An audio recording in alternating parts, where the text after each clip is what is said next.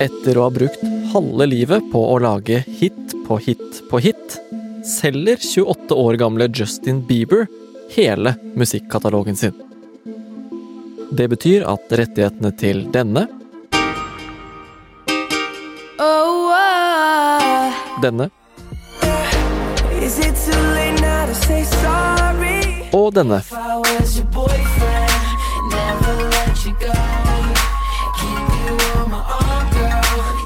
nå tilhører en annen, som kan gjøre hva enn han vil med dem, uten å spørre Justin. Og Bieber er bare én av artistene han nå eier musikken til. Alt fra Neil Young og Leonard Cohen til 50 Cent og Shakira. Mannen som skriver ut milliardsjekkene, heter Merk Mercuriadis. Hvem er denne fyren? Hvorfor bruker han så vilt mye penger på gammel musikk? Du hører på Forklart fra Aftenposten, og jeg heter David Bekoni. I dag er det tirsdag 14. februar.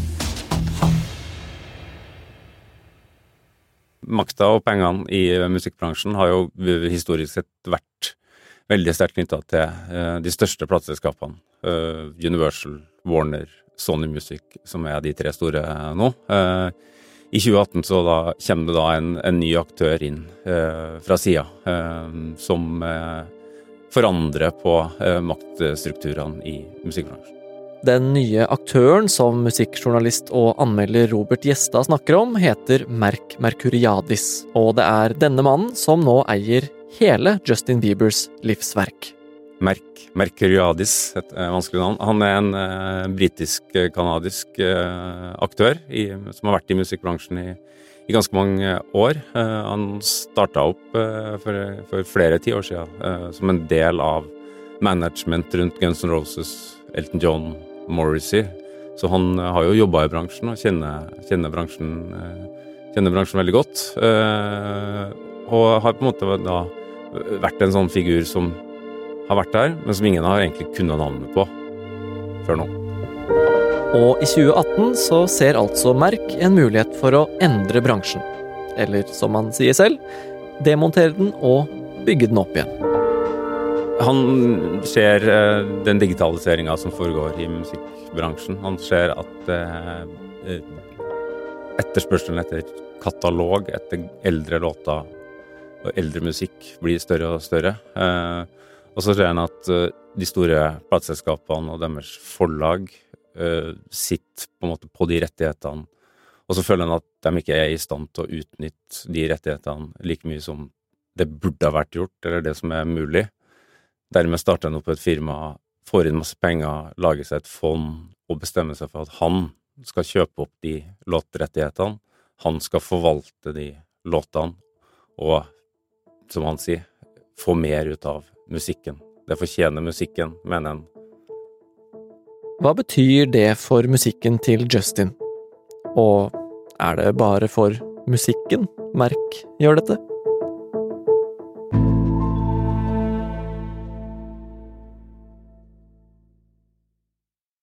Robert Merk Mercuriadis han eh, starter altså opp et selskap som han kaller eh, Hypnosis Songs Fund, for å kjøpe masse rettigheter til musikk. Hvordan går det? Jeg tror det har vært litt tung start, eh, men det handler jo om investering, selvfølgelig. Eh, Her skal det satses gigantisk, og så skal pengene komme på sikt. Eh, Han har jo da gått inn, kjøpt opp kataloger fra Shakira, Red Hot Chili Peppers, Neil Young, Fleetwood Mac-musikere, Chainsmokers, låtskrivere for 50 Cent, og så noe sist da Leonard Cohen sin låta og Justin Bieber. Så det går jo veldig bredt ut. Eh, Målet er å ha store navn med store kataloger som kan generere penger i lang, lang tid. Det er nå flere og flere selskap som kommer inn i det markedet her. Eh, Hypnosis ikke alene til å utfordre de gamle plateselskapene. Det har kommet en, eh, flere store aktører inn som slåss om de samme låtkatalogene og de samme rettighetene. Hvordan er det egentlig de tjener penger på det her, da? Altså, enkelt forklart så tjener du jo penger hver gang en låt spilles på radio, Hver gang en låt strømmes i Spotify, hver gang en låt brukes i en reklame, en TV-serie øh, osv. Det er jo kompliserte avtaler og rettigheter på alt mulig rart, men så, så lenge låten på en måte bare brukes og brukes og spilles og spilles rundt omkring, så, så genererer det penger tilbake. Ok, så når de kjøper alle disse låtene, så kan de egentlig gjøre hva de vil da med uh, musikken. Men uh, hva får artisten uh, for dette her? De får en helt enorm sum med penger. En engangssum. Justin Bieber har altså fått to milliarder eh, i fjor. Så gikk jo da låtkatalogene til Bruce Springsteen og Bob Dylan eh, for fem milliarder kroner hver eh, til Sony-selskapet. Eh, det er jo helt enorme tall. De pengene går rett inn. Eh, etter det så får jo Justin Bieber nå ingenting. Eh, han kan bare sitte og høre på at Baby og Sorry og de låtene sine blir spilt på radio og blir brukt i en reklame, strømmes på Spotify. og så kan han bare tenke at ja, det, det får ikke jeg noe ut av. Det, han har fått sine to milliarder. Så det blir på en måte en slags sånn pensjonsfond, da? Det ble jo kalt det helt i starten, da hypnosis kom på banen og det her på en måte ble veldig sånn tema i offentligheten. Fordi at de fleste som da solgte rettighetene sine i starten, var jo artister fra 75 år og oppover. Så ja, det ble kalt pensjonsfond. Om Justin Bieber har tenkt å pensjonere seg i en alder av 28, det, det vet ikke jeg, men vi får nå se. Ved å selge rettighetene sine nå, vil det også kunne bli lettere for f.eks. arvinger i fremtiden, forhåpentligvis ganske langt frem i tid i Justins tilfelle, med en konto full av penger, en masse sykt kompliserte avtaler og rettigheter man må krangle om og fordele. Men hvis tanken er å tjene penger på radioavspillinger og strømming, hvorfor kjøper Merk da masse gammel musikk som ikke er i vinden lenger? Det har sammenheng med den digitaliseringa og etableringa av f.eks. Spotify å gjøre. Eldre musikk blitt veldig mye lettere tilgjengelig enn før, og det lyttes mer til enn før. Hvis vi i gamle dager skulle ha katalogen til en artist vi hadde oppdaga, så måtte vi jo gå i platesjappa, bruke 150 kroner per plate og kjøpe opp ti stykker, det er 1500 kroner. Det var dyrt og vanskelig. Nå så er det to klikk så har du hele låtkatalogen liggende på Spotify. Det har medført at lytting til eldre musikk har økt og økt, og siste rapport fra USA er jo at tre fjerdedeler av all musikk som lyttes til, er såkalt eldre musikk, altså 18 måneder eller eldre. Uh, det er et enormt marked som bare blir større og større. Og det er ikke bare det at hele diskografien til en artist nå er lett tilgjengelig. Gammel musikk ender også med å pushes oppover i listene. Du husker kanskje denne fra i fjor?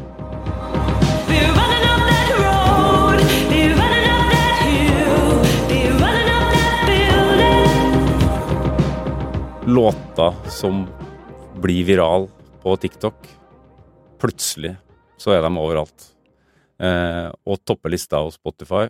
Og som vi så i fjor, Kate Bush sin 'Running Up That Hill'-låt, 36 år gammel låt, ble brukt i TV-serie Stranger Things, snappa opp, lagt ut overalt på TikTok, viralt. And if I only could, I can deal with God. then I get to swap our places. Be running up that road. Be running up that hill. Så skal alle sammen lytte på han på Spotify, se på YouTube på den gamle videoen, og bang, i løpet av to uker så var hun nummer én på de britiske hitlistene. Noe som ikke skjedde i 1985.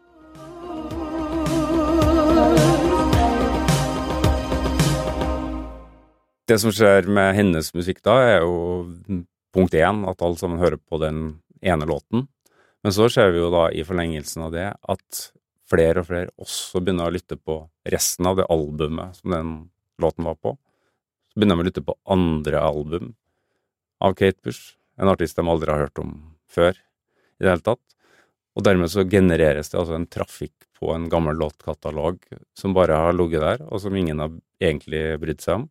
Og så plutselig så, så skjer det, og så er det masse nye penger i omløp på, på gammel musikk. Plutselig har Kate Bush masse unge fans. Masse unge fans som aldri har hørt om henne. Og, og det her er jo bare ett eh, eksempel. Eh, det, det dukker stadig opp nye. Paul McCartney er jo en smarting. Han jo, gikk jo sammen med Kenny West og Rihanna og var med på en låt. Da var det jo en sånn morsom episode på sosiale medier med at hvem er egentlig han, fyr, han tredje fyren her? Sa jo de unge. Hvem er han? Er- Har dere, vet dere hvem han der Paul McCartney er? Og det var jo på en måte da en generasjon som ikke hadde noe forhold til Beatles, som sannsynligvis fikk et forhold til McCartney og Beatles gjennom det der, som da igjen genererer trafikk på gammel låtkatalog. Ok, så hvis Justin Bieber da får en sånn viral TikTok-oppsving om ti år, så er det Merk og investorene hans som skal tjene masse penger på all den strømminga herfra til evigheten. Absolutt. Det, det er nok det de har regna på. Det, er jo ingen tilfeldigheter her. Så de har nok hatt et regnestykke som de ser at eh, her skal det tjenes penger på det her i lang, lang tid. Eh, De forventer at fansen av Bieber blir med han de neste 10, 20, 30, 40 årene. Eh, I tillegg så kan de jo plassere musikken hans mange andre steder, og bruke den sånn. TV-serier kan den plasseres i, reklamer kan det selges til. Eh, alt mulig rart. Og Justin Bieber har ingen rett til å måtte stoppe det lenger, da. Blitt satt på spissen. Eh, hvis eh, saudi-arabiske myndigheter har lyst til å bruke Never Say Never i en litt sånn glad, lysende reklame for landet sitt, så kan i utgangspunktet Bieber ikke nekte dem det. Men disse oppkjøpene av rettigheter kan ikke bare få konsekvenser for Justin Biebers hypotetiske assosiasjoner til Saudi-Arabia. De kan få konsekvenser for hele musikkbransjen. Bransjen som Merk Mercuriadis skulle demontere og bygge opp igjen. Eh, I utgangspunktet så er det her for så vidt egentlig helt uproblematisk både for bransje og for oss som lytter på musikken. Jeg regner med at de fleste som lytter på en låt, ikke er så opptatt av hvem det er som tjener pengene på, på låten der og da. Eh, Det som er en bekymring, og som er en litt sånn voksende bekymring i musikkbransjen, er jo på en måte En ting er at katalogmusikk, som vi snakka om, utgjør så stor andel av det som lyttes til. Noe annet er jo at pengene, de store pengene i bransjen da i større og større grad går inn i kataloger og eldre musikk, altså da på bekostning av nye artister, nye talenter, øh, og hvordan, det skal, hvordan de skal bygges opp uh, i tida framover. Um, det er litt vanskelig sånn umiddelbart nå å se at oi, det her kommer til å være, bli en krise, Uh, um, fordi det finnes jo så mange nye artister, og det spys ut 100 000 nye låter på Spotify hver eneste dag. Så det er ikke at det mangler på nye ting. Eh, men det er klart at eh, hvis bransjen bare ser over år at oi, det eneste som lønner seg er å satse på katalog og på gamle ting, så vil det jo på sikt bli vanskeligere å være ny artist. Så typ Pink Floyd-fans, da, og folk som syns at musikken er blitt dårligere nå, de kan glede seg, mens eh, folk som vil høre ny musikk, kan potensielt eh, få vanskeligere for det, da. Det kan eh, bli sånn. Eh, en artist som Justin Bieber har jo nå da solgt rettighetene til sine gamle ting, eh, men han har jo fortsatt muligheten til å lage ny musikk som han sjøl vil da ha eierskapet til, og som han sjøl vil tjene penger på. Så der kan det jo fort dukke opp noen nye hits. Og det er også flust av nye artister rundt omkring. Men pengestrømmen i bransjen og tallene i bransjen tyder jo på en måte på at den her Pink Floyd-fansen faktisk har fått rett. da. Eh, gammel musikk er bedre enn ny.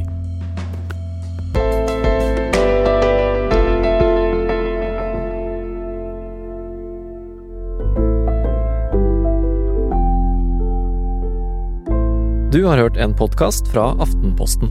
Det var Robert Gjestad som fortalte deg om Merk Mercuriadis. Lyden du har hørt, er utdrag fra musikken til Justin Bieber og Kate Bush, og forskjellige TikTok-kontoer. Episoden er laget av Jenny Førland og meg, David Vekoni, og resten av Forklart er Philip A. Johannesborg, Synne Søhol, Trond Odin Johansen og Anders Weberg. Og du, hvis du likte denne episoden, så kommer du garantert til å like Poprådet. som ikke bare tar for seg popmusikk, men også popkultur og all annen form for pop.